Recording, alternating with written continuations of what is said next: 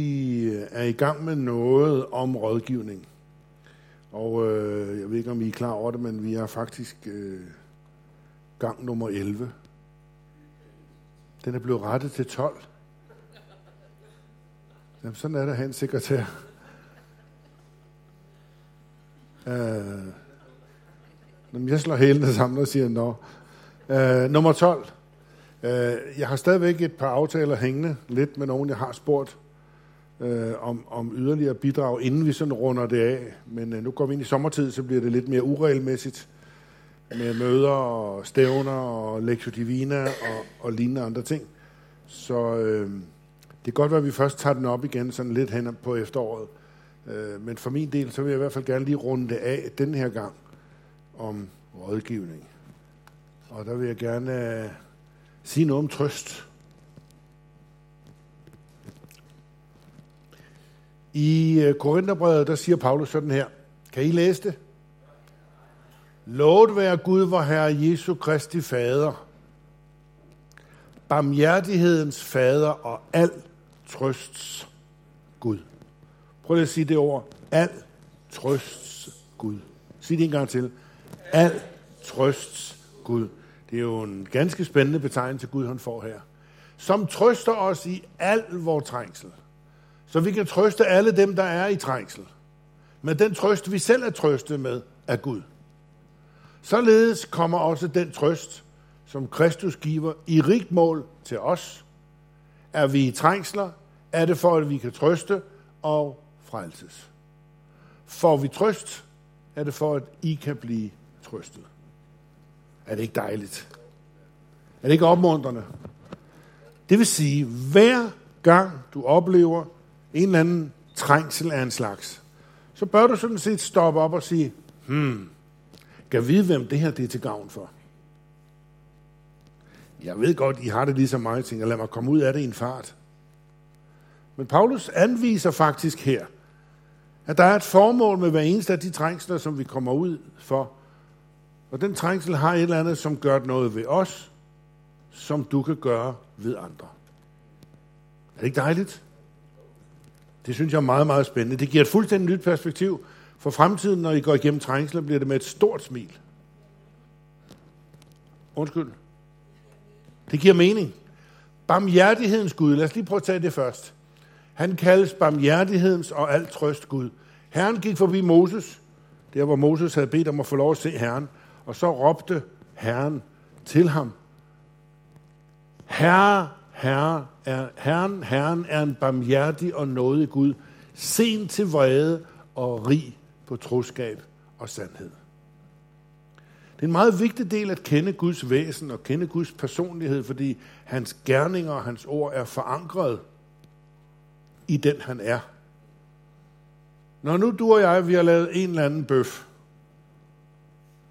vi kunne jo sådan set godt tage et par minutter. Skulle vi godt høre, om der er nogen, der vil fortælle lidt om deres... Ja, der er et par, der er frimodige. Og det er måske for stærkt. Der, der, der er nogen af dem, vi... Nej, det går ikke. Øh, vi, vi lader det ligge. Vi ved bare alle sammen, at vi har alle sammen både store og små fejl. Så kunne det jo godt være den mest naturlige menneskelige reaktion at dukke sig meget hurtigt. Fordi nu kommer Gud og straffer os. Duk dig. Læreren kommer. Kan I huske det fra skolegården?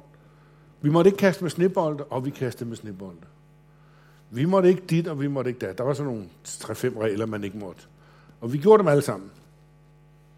Dugter. Gårdvagten kommer. Og mange har sådan et forhold til Gud. Nu kommer han med smækkepinden. Nu kommer han med spansrøret. Nu kommer han med en eller anden lineal og slår mig over fingrene. Nu kommer han. Men han er sen til vrede. Hører du det? Det er ikke hans primære opgave. Han er ikke ude på at straffe dig. Han er ikke ude på at kue dig. Han er ikke ude på at knække dig. Han er ikke ude efter dig. Han er barmhjertig og sen til vrede. Han er nådig og rig på troskab og sandhed. Så det vil sige, det vi siger ham om det her, det er ovenkød sandt. Der var en præst i en by, hvor menigheden var lidt tøvende. Så prøvede han at opmuntre dem, så når han prædikede, så sagde han, og nu taler jeg sandt, jeg prædiker ikke.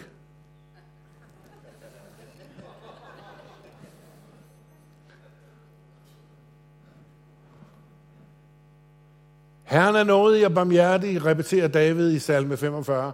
Sen til vrede og rig på troskab. Et sted står der, Herrens øjne skuer ud over jorden, og han leder efter, hvem han kan vise barmhjertighed. Han er simpelthen ude efter nogen, der ikke er for hovmodige og for selvtilstrækkelige. Han siger, okay, du synes selv, du kan klare det, så gør du bare det. Og dig og dig og dig, har du brug for min hjælp? Må jeg få lov at hjælpe dig? Han leder efter mennesker, hvem han kan vise barmhjertighed. Er du sådan en? Jeg vil gerne være sådan en. Jeg kan gerne være sådan en. Men en gang imellem, så synes jeg selv, at jeg er rigtig smart, og så har jeg så mange løsninger. Øh, og så må jeg lige bakke tilbage og sige, nej Gud, du er nødt til at hjælpe mig. Hvad sker der dog her? Så hjælp mig. Han er alt trøst Gud. Det er Romerbrevet 15.4, der siger, alt hvad der tidligere er skrevet, det vil så sige, det er Paulus, som nu er ved at, at skrive de ting, som blev til Nye Testamente. Men han havde hele Gamle Testamente, hans kendskab var til Gamle Testamente. Han siger, alt hvad der før han er blevet skrevet i Gamle Testamente, er jo skrevet for, at vi skal lære af det, så vi med udholdenhed og med den trøst, som skrifterne giver os, kan fastholde håbet. Jeg havde en meget speciel oplevelse for 20 år siden. 25 år siden måske. Øh, på det tidspunkt havde jeg for første gang været og besøgt nogle af vores missionærer ude i deres naturlige miljøer. John og Tove og Peter Klammeri og Jørgen og Elisabeth og flere andre nogen i Afrika. Og øh, var lidt bekendt også med nogle af dem, der sådan havde pioneropgaver, de havde taget på sig her i Europa. Og jeg lagde mærke til, at de var alle sammen lidt presset. Nogle af dem var triste. Nogle af dem var skuffet. Nogle af dem synes, at de var bare en stor fiasko. Her står jeg med 30 mennesker. Hvad er det? Jeg har arbejdet her i 20 år. Hvad er det blevet ud af det? Det går ikke særlig godt, og jeg er ikke, jeg er ikke, jeg er ikke nogen stor missionær. Jeg er ikke noget. Og det, og jeg har det for også på den måde, og på den måde, på den måde. Og så undrede det mig meget, hvordan i alverden det kunne opstå. De, de var missionærer, det højeste man kunne blive i Guds rige. Det ypperligste man kunne være, en der var sendt afsted på Guds vegne. Hvordan kunne de blive overvældet af sådan nogle følelser? Så kiggede jeg jo lidt på mig selv, og kunne da heller ikke sådan se det helt store lys i mig selv. Dengang, det er jeg blevet meget bedre til. Jeg har så også været gift i mange flere år, så nu er det blevet afstemt. Men jeg blev inspireret til et bibelstudie af både Gamle og Nye Testamente, af personerne. Vi starter med Adam, og så tager dem derhen af Kain, og det Moses og Gideon og David og dem alle sammen. Og lave sådan nogle små personkarakteristikker.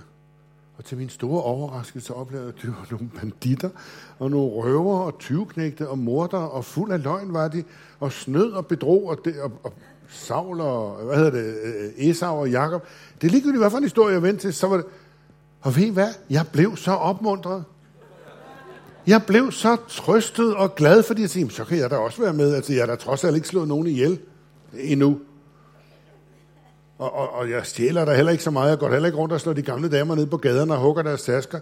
Så galt er det da ikke med mig. Hvis Gud kunne bruge ham og ham og hende og hende og dem og dem, fra prostituerede til morder og tyvknægte. Abraham satte sin kone i pant for at redde sit eget skin og sagde til Abimelech, det er mit søster. Det, så går jeg fri. Og så sad han og fede den under parasollen, mens kong Abimelech var ved at forbryde sig på hans kone. Tænk, jeg blev så opmuntret. Og i den periode, hvor jeg sådan havde rundet det her studie af for mig selv, var min kone og jeg i USA, og øh, havde da kontakt med Hanne Larsson. Hvor mange kan huske Hanne Larsson? Nogle af jer har haft hende på efterskolen, og nogle har måske kendt hende. Hun blev gift med Mark fra Amerika, et sted fra Kalifornien, tror jeg han var.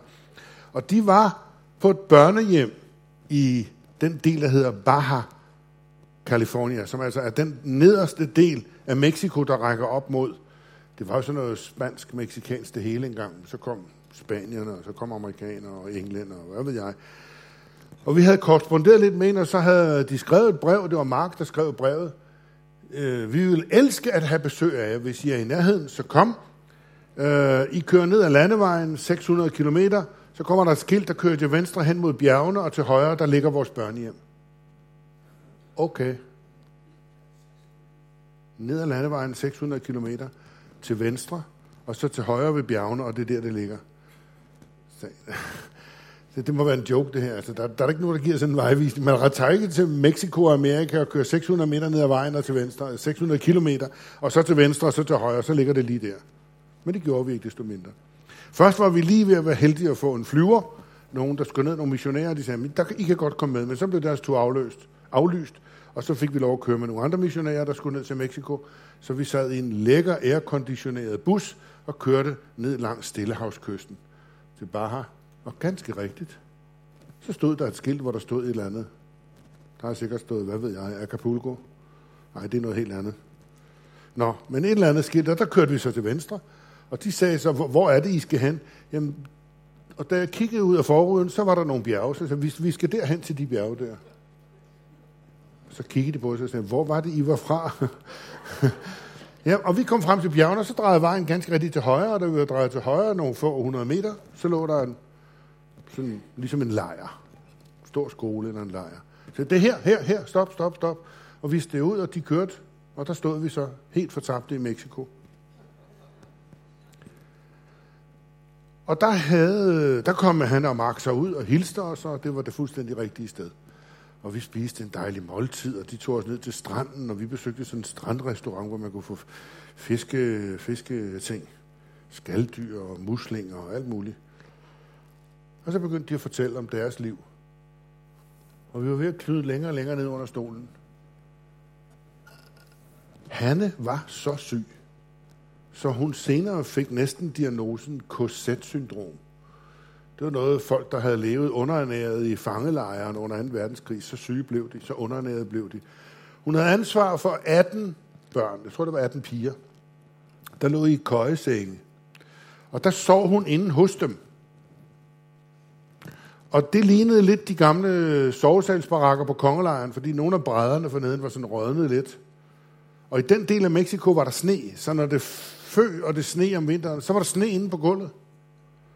Og 18 børn fra, jeg ved ikke, hvad de har været, 4-5 år til 16-17 år, der er jo lige et par stykker, der skal tisse om natten. Og de vågner, og de græder. Og øh, Hanne måtte op, lad os sige, hun har været vågen 10 gange på en nat, for at føre de her børn ud på toilettet og tilbage igen og putte dem op i sengen, og så var det en ny der, så var det en ny der, og var det der. Hun var fuldstændig kvæstet. Og fuld af selvbebrejdelser. Overvældet over alt det, hun ikke duede til. Alt det, hun ikke kunne. Alt det, Mark ikke gjorde. Alt det, hun ikke selv gjorde. Alt det, de ikke havde udrettet. Og lige inden jeg ramte gulvet, eller det var nok en stenterrasse der på den der fiskerestaurant ud mod Middelhavet, så slog det mig, at Herren havde ledt mig til det her studie. Og så begyndte jeg at fortælle om Moses og Abraham og, øh, hvad hed hun, Rahab i Jericho, og den ene og den anden og den tredje. Efterhånden som vi havde gennemgået alle kalamiteterne og katastroferne og synd, synd og fejl og nederlag, så blev de helt opmuntret. Jo mere de hørte om de andres fejl, det, der tidligere er skrevet, er jo skrevet for, at vi skal lære af det. Hvorfor tror I, det står der? Hvorfor tror I, Helligånden har bevaret det? For at du skal forstå, at Gud i sin barmhjertighed bruger de mest umulige typer som dig for eksempel, og mig. Er I med? Jeg har aldrig haft så bizarre en oplevelse, som at sidde og svælge i alle de nederlag, som Bibelens helte har begået. Jeg har aldrig set nogen mennesker blive så opmuntret ved at høre om andres fejl. Og det er jo tit det, der sker, når vi får sat tingene i det rigtige perspektiv på en af de her lange ture, den sidste nogle 20 timer, der var jeg blevet opgraderet, fordi der var gået et eller andet galt med sædeplaceringen, så jeg blev opgraderet til, til den fine ende. Det hvor man ligger ned og får en dyne på. Så, og jeg synes, det passede fint. Det var, det var fuldstændig missionær style. Så den tog jeg, den indkasserede jeg bare. Så snakker jeg med en af personalet, og vi det var helt tilfældigt, vi faldt, faldt i sådan en snak. Og så fortalte hun, at hun havde haft et, en, en oplevelse for bare et par dage siden, i der, I ved, den dyre ende, det er ude i, i spidsen af sådan en stor øh, 747. Og, og man ligger jo nærmest ned. Og de fleste, der kommer ind, de, de, de går ind og går i seng. De skal flyve om natten, og så skal de op og på arbejde tidligt om morgenen og lige afsted. Der er ikke så meget pjat. Selvom kokken kommer rundt, og der, der er fire forskellige slags oste, og der er tre forskellige slags kød, og der er fem flasker vin, og den ene og den anden slags. Det er folk ligeglade med. De vil bare sove. Langt de fleste. Så fortalte hun, at de havde haft en far og hans børn. Jeg tror, der var fire eller fem børn. Og de sad derude, de skulle hjem fra et eller andet sted. Sydamerika, Afrika, langt væk, Asien. Og øhm, folk havde lagt sig til at sove. Og de børn, de var de mest umulige.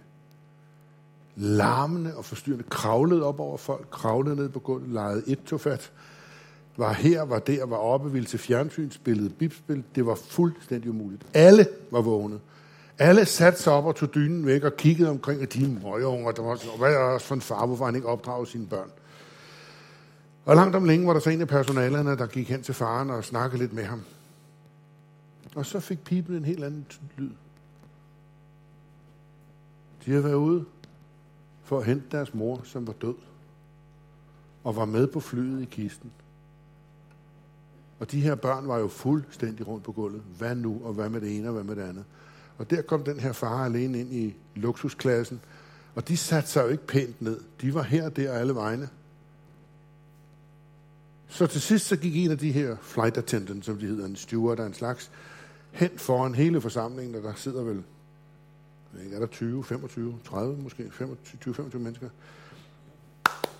Undskyld, må jeg bede om jeres opmærksomhed? Det var ikke over højtaleren, for det var kun til den her lille gruppe. Så jeg beder jer alle sammen om at vise tålmodighed og hensyn til den her familie. De har mistet deres mor. Hun er medflyet her i en kiste om bag i.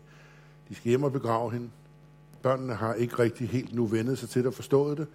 Vi gør alt, hvad vi kan for at hjælpe dem og få ro. Vi skal nok sørge for, at I kan komme til at ligge stille og roligt og sove om ikke ret lang tid. Men vis lidt barmhjertighed. Og pludselig vendte stemningen.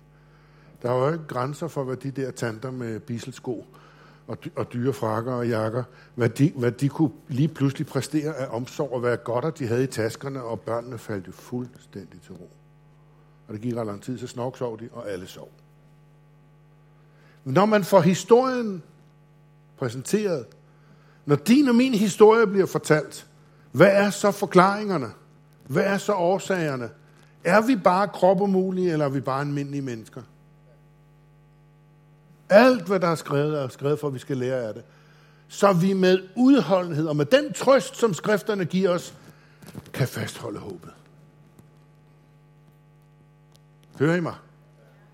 Det vigtigste, det, det værste, man kan tage for et menneske, er håbet. Det vigtigste, et menneske har, det er håbet om, hvad Gud kan og hvad Gud gør for os. Men den, der taler profetisk, taler til mennesker til opbyggelse, formaning og trøst. En del, en del af det at kende den profetiske inspiration, det er at kunne finde frekvensen, hvor trøsten er. Nogle gange er det også formaning. Nogle gange er det tilrettevisning. Men det er sandelig også trøst. Trøst derfor hinanden og opbyg hinanden, skriver Paulus til menigheden i Thessaloniki, sådan som I jo også gør. Når urolige tanker tog til i mit indre, siger David, så gjorde din trøst mig glad. Kan du forestille dig, at Hanne Larsson sidder der ved Middelhavet og tænke, nå, John og Tove Thomsen, det er jo de helt store supermissionærer. Har de det svært? så er jeg måske ikke så umulig endda. Så kan det være, at Gud også kunne finde på at bruge mig. Så kan det være, at jeg også kunne være til gavn for et eller andet. Når de triste tanker fyldte mit sind, så gjorde din trøst, dit ord, din historie mig glad. Så husk at fortælle de ærlige historier om, hvordan det ikke lykkedes for dig Jo, jeg vil også gerne høre historierne om dem, der kom og betalte tiende, og så blev de millionærer. Og så var de syge, og så kom der en femstjernet karismatisk evangelist, og han kunne noget med hænderne, og så blev de helbredt. Wow! Jo, men vi er også en menighed af rigtige mennesker. Jeg vil også gerne høre om dem, som vi har bedt for i 10 år. Jeg vil gerne høre om dem, som holder fast i håbet og nåden på 35 år, om at det må dog snart blive bedre. Ja, hvorfor er det ikke blevet det? Det kan jeg ikke svare på. Men jeg ved, at Gud er en barmhjertig Gud. Og jeg ved, at han har ikke svigtet dig, selvom du ikke kører i overhalingsbanen i den fedeste Tesla, og det ikke alt sammen lykkes for dig.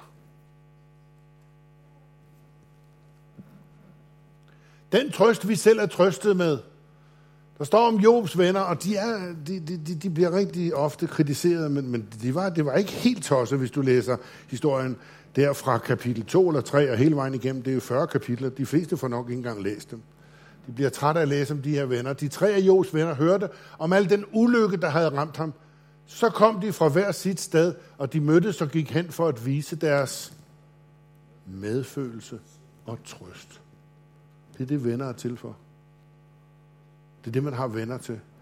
Ikke nødvendigvis til at komme og sparke dig bag i og sige, du er også et fehoved, og hvorfor gjorde du også det? Og du skulle jo også have drejet til venstre, der hvor du drejede til højre. Og du kan da også nok sige, sådan en slags lån i banken, det er da helt håbløst. Og den måde, du har gjort med det der, og den der gamle møgbil, du har købt, du har da købt katten i sækken.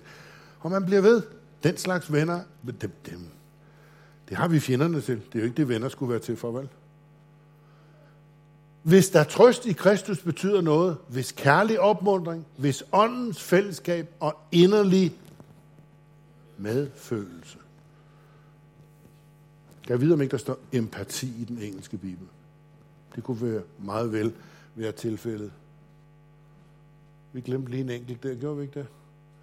Vi har ikke en ypperste præst, der ikke kan have medfølelse med vores skrøbeligheder, men en, der blev fristet i alle ting, ligesom vi. Han syndede bare ikke.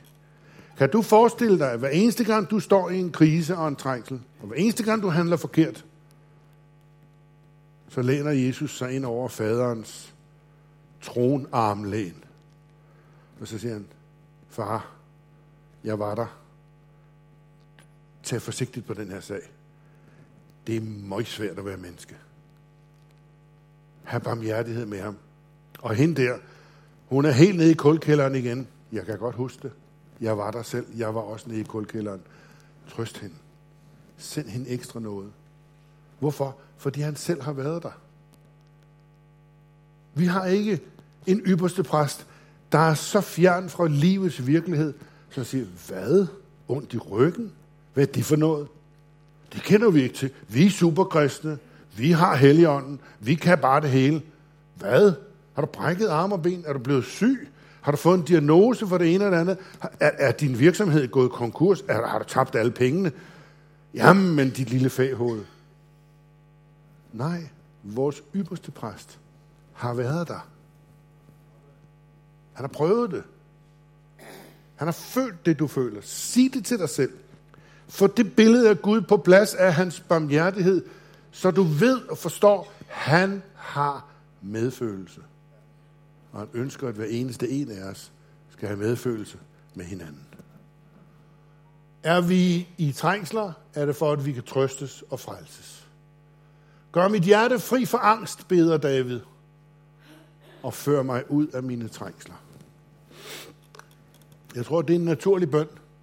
Selvom jeg vandrer i trængsler, holder du mig i live, trods mine fjenders had. Du rækker min hånd ud, og min højre hånd frelser mig. Jeg har nævnt eksemplet en gang før, jeg så den for mange år siden. Et eller andet lille øh, klip af et børneprogram, hvor en naturvejleder var med en lille pige ude og gå i naturen. Og de kiggede på blomster, de kiggede på sommerfugle, de kiggede på fugle, og de kiggede på fugleæg. Og så var der en lille sommerfugl larve. Og den var ikke engang så stor som den her. Og den havde sådan krænget halvdelen af puppen af sig. Og den anden halvdel var den, var den man kunne tydeligt se, at de filmede helt ind, de kunne zoome helt ind, så man hele skærmen fyldte den her sommerhul. Den sad simpelthen fast. Den kunne ikke jeg kunne ikke brække det her løs. Og naturvejlederen, han tog sin kuglepen frem, og så pegede han. Så han, se, se, der der sidder nogle små tråde, den, sidder, den er klistret fast fra dengang, den, den var helt lille. Og det er det, den skal fri af. Og der, der kommer til at ske det der, og det der. Og han pegede jo på det, han havde jo set det før. Og pigen, hun var jo en glad, sød og frisk pige, så sagde hun, lad os dog hjælpe den med at pille skallen af. Nej, nej, nej, nej, nej, sagde han, det må du aldrig gøre. Så bliver den aldrig en sommerfugl.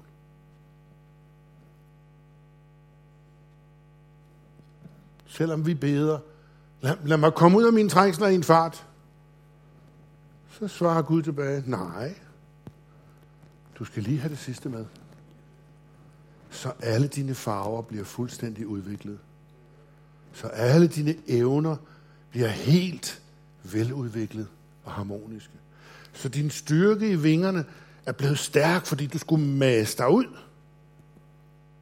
Jeg mener ovenkøbet steder har, har hørt, at børn, der bliver født med kejsersnit, har ikke haft den samme kamp for at komme til live, som børn, der kommer af mors alders naturlige udgang til børn. Fordi der skal kæmpes, og de bliver klemt, og de bliver mast, og, og nogle gange kan man også se på folk, at de bliver klemt i fødslen, for de ser helt komiske ud. Men det er en del af det at blive et helt menneske, og blive et rigtigt menneske. At, at, at opøve kræfterne. David han siger et sted, du lærte mig at spænde koverbuen. Hvordan lærte jeg det? Ja, jeg læste sådan en bog om koverbuer. Ja, det kommer der ikke til at spænde nogen buer af. Ja, men øh, så så jeg også noget på en film fra, fra nogle vækkelsesmøder i Amerika, og noget nede i Afrika, og, og, og det er stærkt, hvad Gud gør. Hvad gør Gud i dit liv? Øh, ikke rigtig noget. Nej, fordi du ikke er kommet i gang med at spænde koverbuen. Fordi det måske er blevet afbrudt, hvad Gud gerne vil tage dig igennem. Derfor er det ikke kun et spørgsmål om altid bare i lynets hast at bede om at komme ud af trængselen og bede for hinanden og sige, kære Gud, vil du løse min bror her fra de her trængsler? Det kunne være, at du lige skulle høre efter og sige, hvad består de i, de trængsler? Hvad er det, du skal måske trøste og opmuntre vedkommende i trængslen? Ikke engang til at komme ud af den, men til overhovedet at være i den. Til overhovedet at overleve, mens den står på.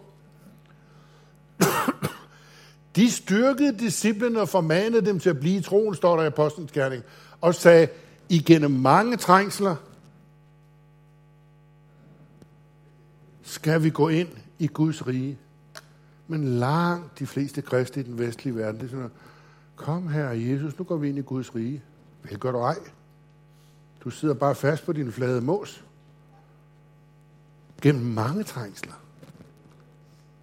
Gennem de vanskeligheder, det måtte være at kunne bede en sag igennem, eller se de svære ting, miste vores kære, have mangler i vores liv, være syge. Jamen, jeg troede da. Jamen, så har du nok troet forkert. Jeg er ked af, hvis du er blevet undervist anderledes. Jeg håber ikke, det er her. Og ikke alene det, vi er også stolte af vores trængsler, fordi vi ved, at trængslen skaber udholdenhed. Her er trøsterens fem grundlag. Er I der? Det er Jørgen Mortensens helt simple og primitive, og det kunne gøres meget mere elegant af kyndige og dygtige folk, og det kan vi håbe, de kommer og gør. To liv er aldrig ens. Men så husk det.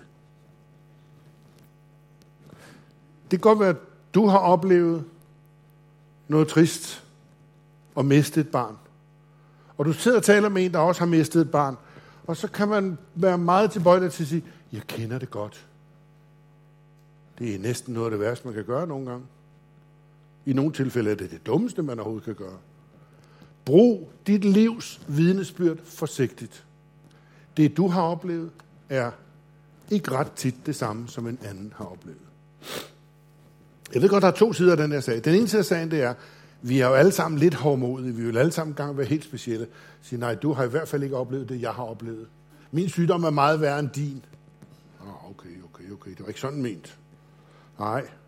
Men du skal ikke bare komme her og nedgøre det, som om det var sådan en lille smule sygdom, man kan sådan komme over i en fart. Det er, jo, det er jo den ene side af sagen. Vi kan, vi kan alle sammen være en lille smule hårdmodige og synes, at vores sygdom er den mest specielle i hele verden. Men pas på med bare at sammenligne. Det kan virke meget nedslående, hvis et menneske begynder at fortælle om en ting, der måske er lidt svært. Og de når slet ikke at fortælle færdigt. De er slet ikke kommet hen til kernen i historien endnu. Det kender jeg godt, sådan har jeg også haft det. Hallo. Bare lige tilbage en gang, og så på bare at lytte. Men man bliver meget tilbøjelig til at nivellere ud og sige, sådan som du har det, sådan har jeg også. Og nu skal du bare høre, hvad jeg gjorde. Jeg gjorde sådan, og så gjorde jeg sådan, og så gjorde jeg sådan, og så er den færdig, du. Nu skal du bare se, den er det, du er ud af om tre dage, det der. Nå, jeg har tumlet med det i fire år nu. Okay. Prøv at fortælle mig lidt mere. Det kunne være, du skulle høre lidt mere, før du kommer med de fine løsninger. Du har to ører og kun én mund. Er det ikke interessant? Tænk nu, du kun havde et øre og så mund på begge sider. Nej, hvor kunne vi plapre, var. Vi kunne både tale i telefon og snakke med nogen samtidig. Lær kunsten at kunne tige stille og blot være til stede. Jeg lærte en lektion, jeg tror, jeg har nævnt den. Da jeg gik i gymnasiet, var der en dreng, ikke siger hans navn, øh, han var meget dygtig, for det første. Det var tredje gang, han gik i første G, da vi startede. Han var gået ned og faldet ud to gange tidligere. Nu var det tredje gang, han var der. Han havde været Danmarksmester i skak. Han kunne alle de græske og latinske former. Han øh, havde været der før og kendte det om og om igen. Og da vi så kom sådan hen på den anden side af jul, så holdt han op med at komme.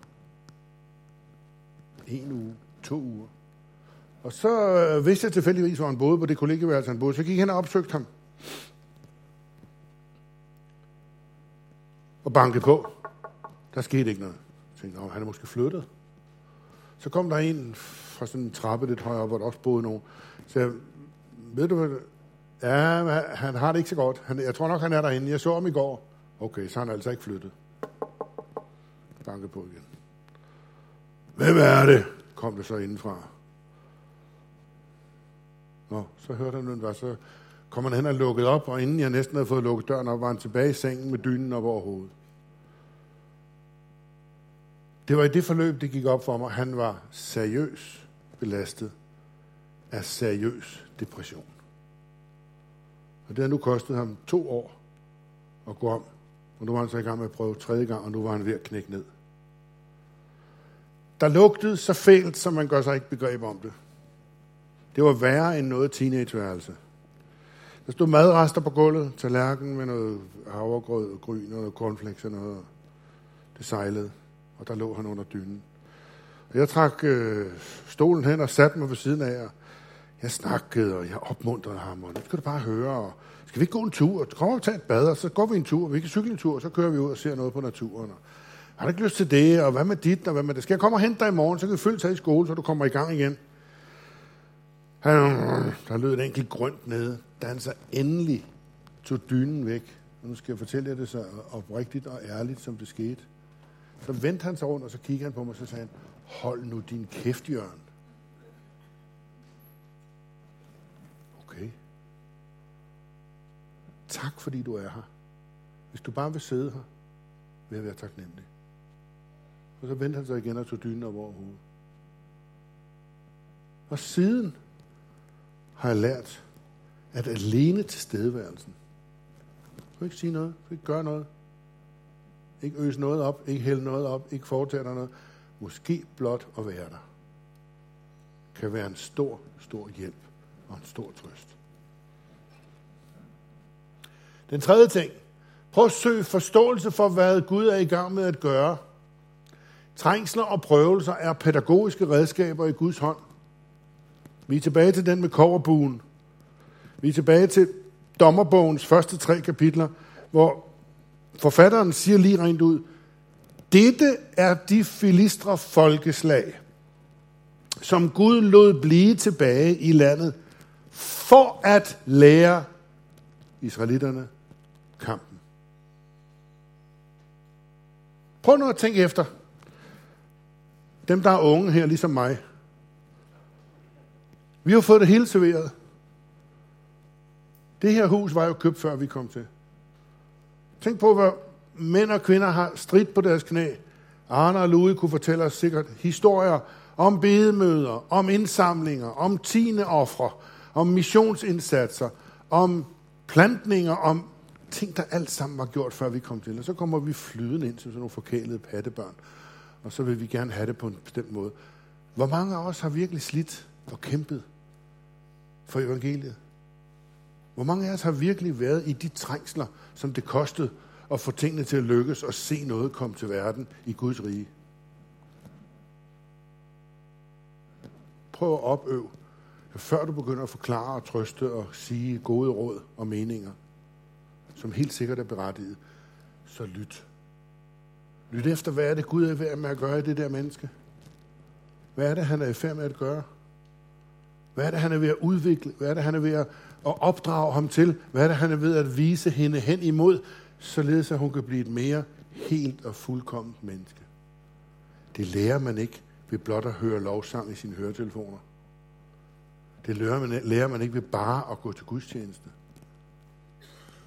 Det gør man ved at deltage i kampen. Fire. Hvad for noget? Den trøst, som skriften giver os, kan fastholde håbet om Guds virke i sit folks liv. Så vær opmærksom på at fortælle også de dårlige historier fra Bibelen. Om røverne og banditterne. Om alle dem, som tog fejl. Og som Gud viste noget og barmhjertighed alligevel. Og det sidste punkt, det er, opøv dig i medfølelse og empati, mens de gamle vaner aflæres og nye vaner og handlemåder indlæres. Der er ikke nogen, der bliver forvandlet sådan her. Det har taget 35 år for dig at blive sådan et uregerligt menneske, som du er. Tror du så, Gud bare lige kommer og gør sådan her, så er du et nyt og bedre menneske? Nej. Du kan bare kigge på dine tænder. Hvor lang tid har det taget at passe dine tænder? Og de tænder, du ikke har passet, de falder ud, og de rådner, og der går hul i, og de knækker, og de brækker, og det hele går i stykker. Hvordan skal dit liv forvandles? Det koster omstilling, omstilling, indlæring, omstilling. Du falder ned. Det lykkes ikke.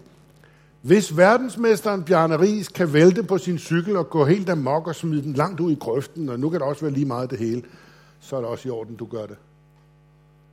Jeg beder til, at vi må være et fællesskab, der kan rumme hinanden, når vi snubler, når vi fejler, og lytter til, hvad er det Gud er i færd med at gøre i dit liv? Hvad er det, han er i færd med at gøre i mit liv?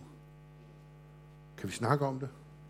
Snakke om det ud fra trøst og noget, mens Gud virker frelsen fuldkomment i dit og mit liv. Amen. Stå op sammen med mig.